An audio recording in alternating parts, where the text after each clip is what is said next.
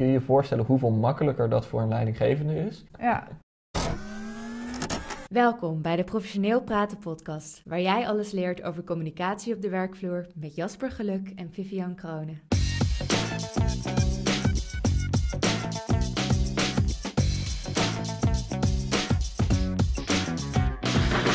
Welkom bij de podcast. Ik ben Vivianne Kronen en naast mij is Jasper Geluk. Hoi. In deze podcast behandelen we jouw vragen over professionele communicatie. En de vraag van deze week is... Hoe maken mensen het elkaar moeilijk of makkelijk? Volgens mij hebben we daar een keer meer dan een uur over gebeld. Ja, klopt. ja. Ja, En dat was toen had je dat net, eh, toen had je dat net geleerd, het principe van moeilijker of makkelijker maken voor Mhm. mensen. Ehm, en, en even voor nu, eh, terwijl je aan, naar aan het luisteren bent, om je een klein beetje context te geven in wel, hè, hoe, hoe, wat dit betekent. Het gaat over carrière maken en over op je werk, hoewel het net zo goed in privé-setting eh, Mhm. telt. Je hebt namelijk bepaalde mensen en bepaald gedrag die eigenlijk altijd alles moeilijker maken. Mhm. En je hebt bepaald gedrag eh, of bepaalde mensen die altijd alles makkelijker maken. En dit is een van de, denk ik, de belangrijkste adviezen die je iemand kan geven als de vraag is, hoe maak ik carrière? Mhm. Los van wat ik vaak zeg is leer soft skills. Mhm. Eh, daar, daar hoort dit bij, bij het stukje soft skills. Dat is een Is- super interessante vraag. Hoe maak je carrière? Ja. ja, ja, Ja. zeker. Ja. Ik denk dat het voor heel veel mensen relevant is. Ja, en eigenlijk bijna alles wat ik train is daar het antwoord op. Mhm. Dus eh, ik vertel super vaak, dus het voorbeeld heb je vast een keer gehoord, dus ik zal hem, ik zal hem kort houden. Eh, maar dat er iemand bij mij in de training zat, Karel was dat, Mhm. die zei van dat een directeur letterlijk tegen hem had gezegd toen hij dat vroeg. Mhm. Van als je carrière wil maken, dan gaat het niet om de inhoud die je leert, want dat kunnen we allemaal wel. Mhm. Wat echt het verschil maakt in zeg maar, waarom je gepromoveerd wordt vaak en promotiestappen krijgt, ehm, is dat je sociaal heel sterk bent. Dat je mensen kunt leiden, dat mensen naar je luisteren. Als je in een vergadering zit, dat je kunt sturen, dat je kunt voorzitten, dat je, dat je als je een plan hebt, het kunt uitvoeren met mensen, dat je ze achter jouw plan kunt krijgen. Mhm. En dat dat de belangrijkste skills zijn. Ja, en dat is de skillset die we überhaupt natuurlijk leren in, eh, als het gaat om professionele communicatie Mhm. op dit kanaal, maar ook in al die trainingen. Ja, en Maar niet op school. Nee, in veel scholen wordt dat nog niet echt Nee. geleerd, wat jammer is. Maar goed, het eh, komt ho- hopelijk verandering in in de komende 100 jaar. dat is een hele lange termijn agenda. Mhm. Maar dit zal vast veranderen, want onze generatie nu, hè, de millennials generatie, die, die is al zo anders dan de vorige generatie. Ja. Dus stap voor stap komen we, komen we er wel. Maar ik denk dat een van de belangrijkste principes om te snappen, is dat principe tussen ben jij iemand die het moeilijker maakt voor, voor Mhm. mensen, of ben je iemand die het makkelijker maakt voor mensen? Omdat er zijn heel veel mensen die uit goede wil het toch heel moeilijk maken voor anderen. En, en hier hebben we toen tijdens het telefoongesprek over gehad. Mhm. Eh, hè, dat, dat zijn het, het, het type secretaresse bijvoorbeeld. Dat als de, als de, de baas eh, zegt van hé, hey, ehm, eh, laten, we eens, eh, laten, we eens een, eh, laten we dit of dat plannen. Mhm. Dat je vervolgens terugkrijgt van Hoe oh, lang? ja, Wanneer? wanneer precies, waar, moet ik nog dingen voor je regelen, Mhm. weet je wel, dat soort dingen. Ja. En dat is allemaal, het stomme is dat je, heel veel mensen zich niet beseffen hoe Mhm. moeilijk je het daarmee maakt omdat je denkt dat je iemand aan het helpen bent. Dus je denkt van ja, maar ik ben het toch makkelijker aan het maken, want ik ben toch zo vriendelijk aan het helpen. Ja, maar vooral voor jezelf. En niet per se voor de ander. Ja, hoe komt dat? Hoe maak je het makkelijk voor jezelf door dat soort vragen te stellen? Maar je kunt het ook zien als je een collega hebt of als jouw baas naar jou toe komt. Dus je, jouw baas komt naar je toe en die heeft een bepaald probleem Mhm. en dat moet opgelost worden. Mhm. Dus eh, eigenlijk wat zij gewoon wil is dat jij het oplost. Mhm. Eh, dus, dus dan nog een keer de vraag. Hoe maak jij het dan eigenlijk voor jezelf heel makkelijk door dat soort vragen te stellen? Nou, als je doorvraagt, dan krijg je meer informatie, haal je eruit. En dan Mhm. denk jij dat je het makkelijker eh, kan oplossen of iets dergelijks. Maar eh, Ja. eigenlijk leg je het probleem eh, weer opnieuw bij de ander. Want die moet weer meer gaan nadenken om antwoord te geven op alle vragen die jij stelt. Ja, Terwijl je eigenlijk gewoon het probleem uit handen zou willen nemen en het wil oplossen. ja Want dat precies. is wat degene wil. Ja, dus zij heeft gewoon een probleem en ze wil dat jij het oplost. Ja, Daar komt het op neer.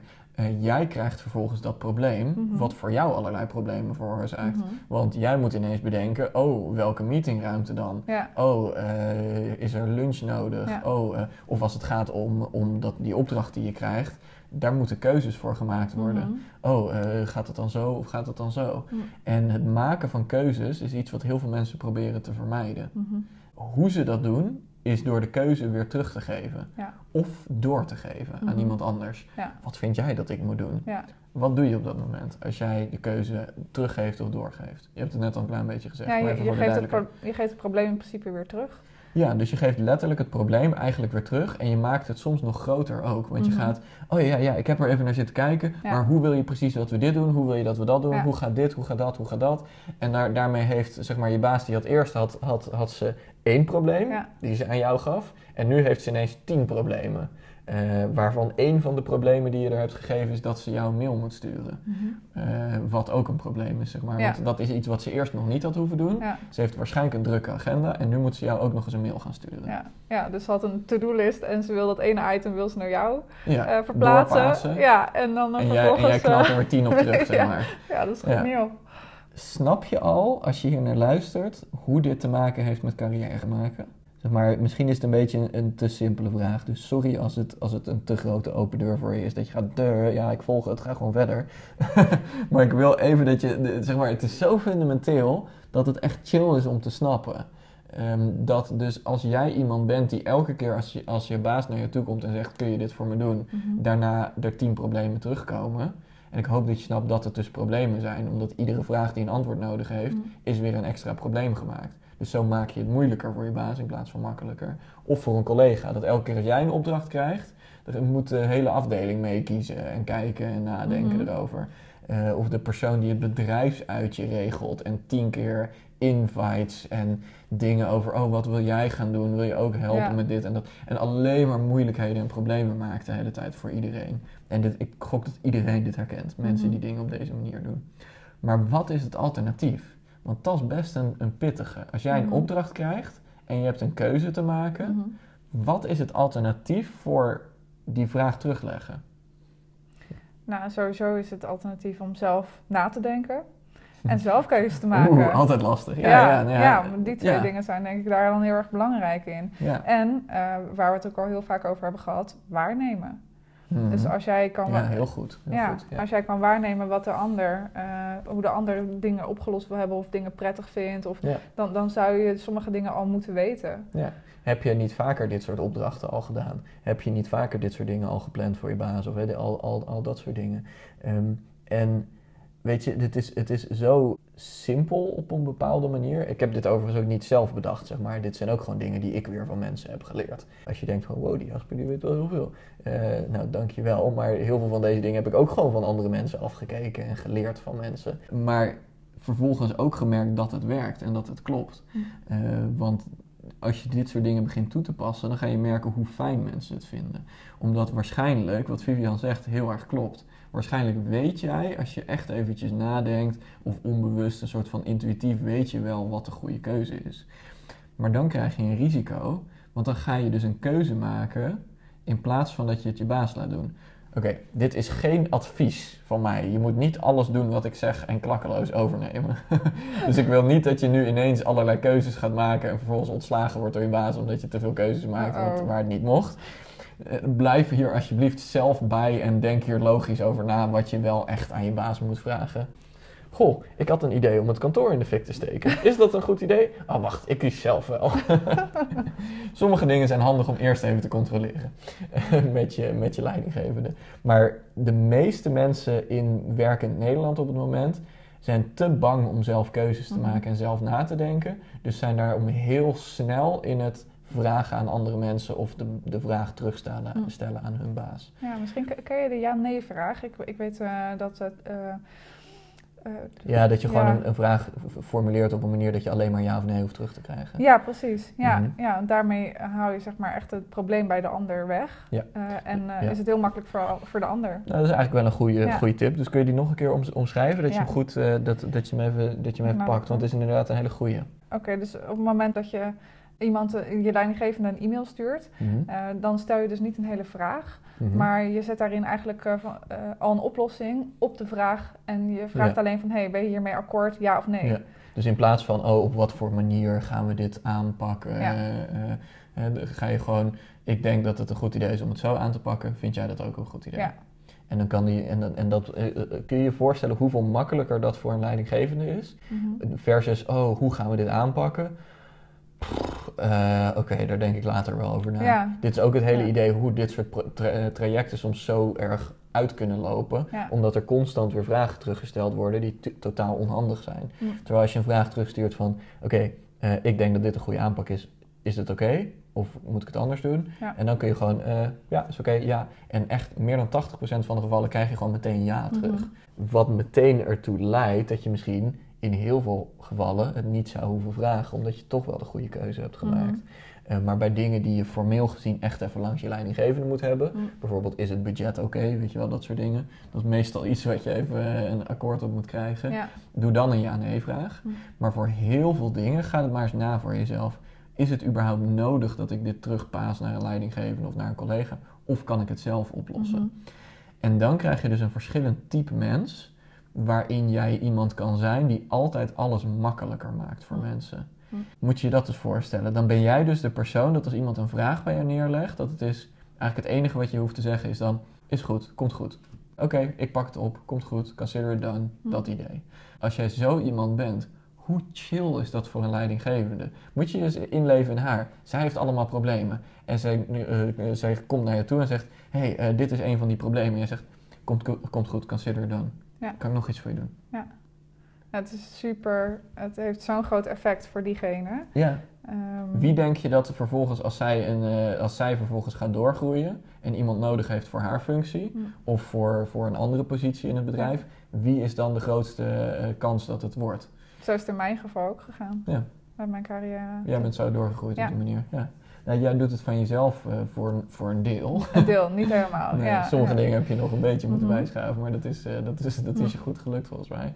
Maar inderdaad, dat is, dat is hoe dat kan. En dan hoef je dus niet meer in een sollicitatiegesprek allerlei slimmigheden te gaan zitten toepassen, omdat die hele attitude van werken dingen makkelijker maken voor mensen in plaats van moeilijker, jou in de ideale positie zet om promoties te zetten en dat soort dingen eh, te maken en dat soort dingen. Waar je voor op moet passen is misbruik. Dus dat je een soort van slaafje wordt van iedereen. En daarvoor is de skill van informeel leiderschap heel belangrijk. Dus als je die, nou we hebben het er al heel vaak in deze podcast over gehad. Dus je weet vast al dat je, of je hebt er misschien al wel geluisterd, de podcast over informeel leiderschap.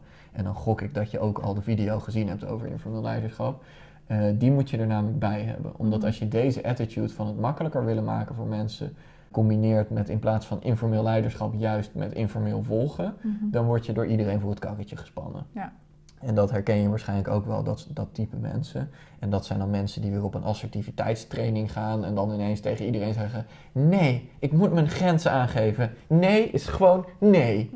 En ehm, sorry als het niet, niet serieus genoeg klinkt als ik dat net zo zeg. En ik weet dat voor sommige mensen het echt wel heel, iets heel ernstigs is en dat het goed is dat ze die dingen leren. Alleen ik heb een overtuiging dat je beter kunt leren communiceren dan dat. Dan alleen maar nee zeggen. Eh, er zijn handigere manieren om nee te zeggen. En een deel daarvan is, is, is rapport kunnen hebben en informeel leidend zijn. Ik denk dat je in plaats van leren assertief zijn, dat het handiger is als mensen leren informeel leidend te zijn. Mhm. Omdat assertiviteit meestal, als het niet op een goede manier gedaan wordt, rapport breekt. Mhm. En dan krijg je ook niet voor elkaar wat je wil. Eh, En dat merken dat soort mensen vaak van, oh ja, ik heb nu wel assertiviteitstraining gehad, maar ik word nog steeds niet serieus genomen. Mhm. Ja, dat komt omdat je niet aan informeel leiderschap hebt gewerkt. Ja. Dus dat is dan nogal, eh, nogal eh, obvious. Dus zolang je die combineert met elkaar, dat je echt dingen oplost, maar je wordt wel serieus genomen als persoon, ehm, is het niet zo dat dat ook de chillste leidinggevende zijn. Als jij een probleem hebt en je gaat vervolgens naar je leidinggevende toe en je leidinggevende zegt, ah, komt goed, ik, ik pak het wel op, doe jij maar gewoon dit of dat, komt helemaal goed. Mhm.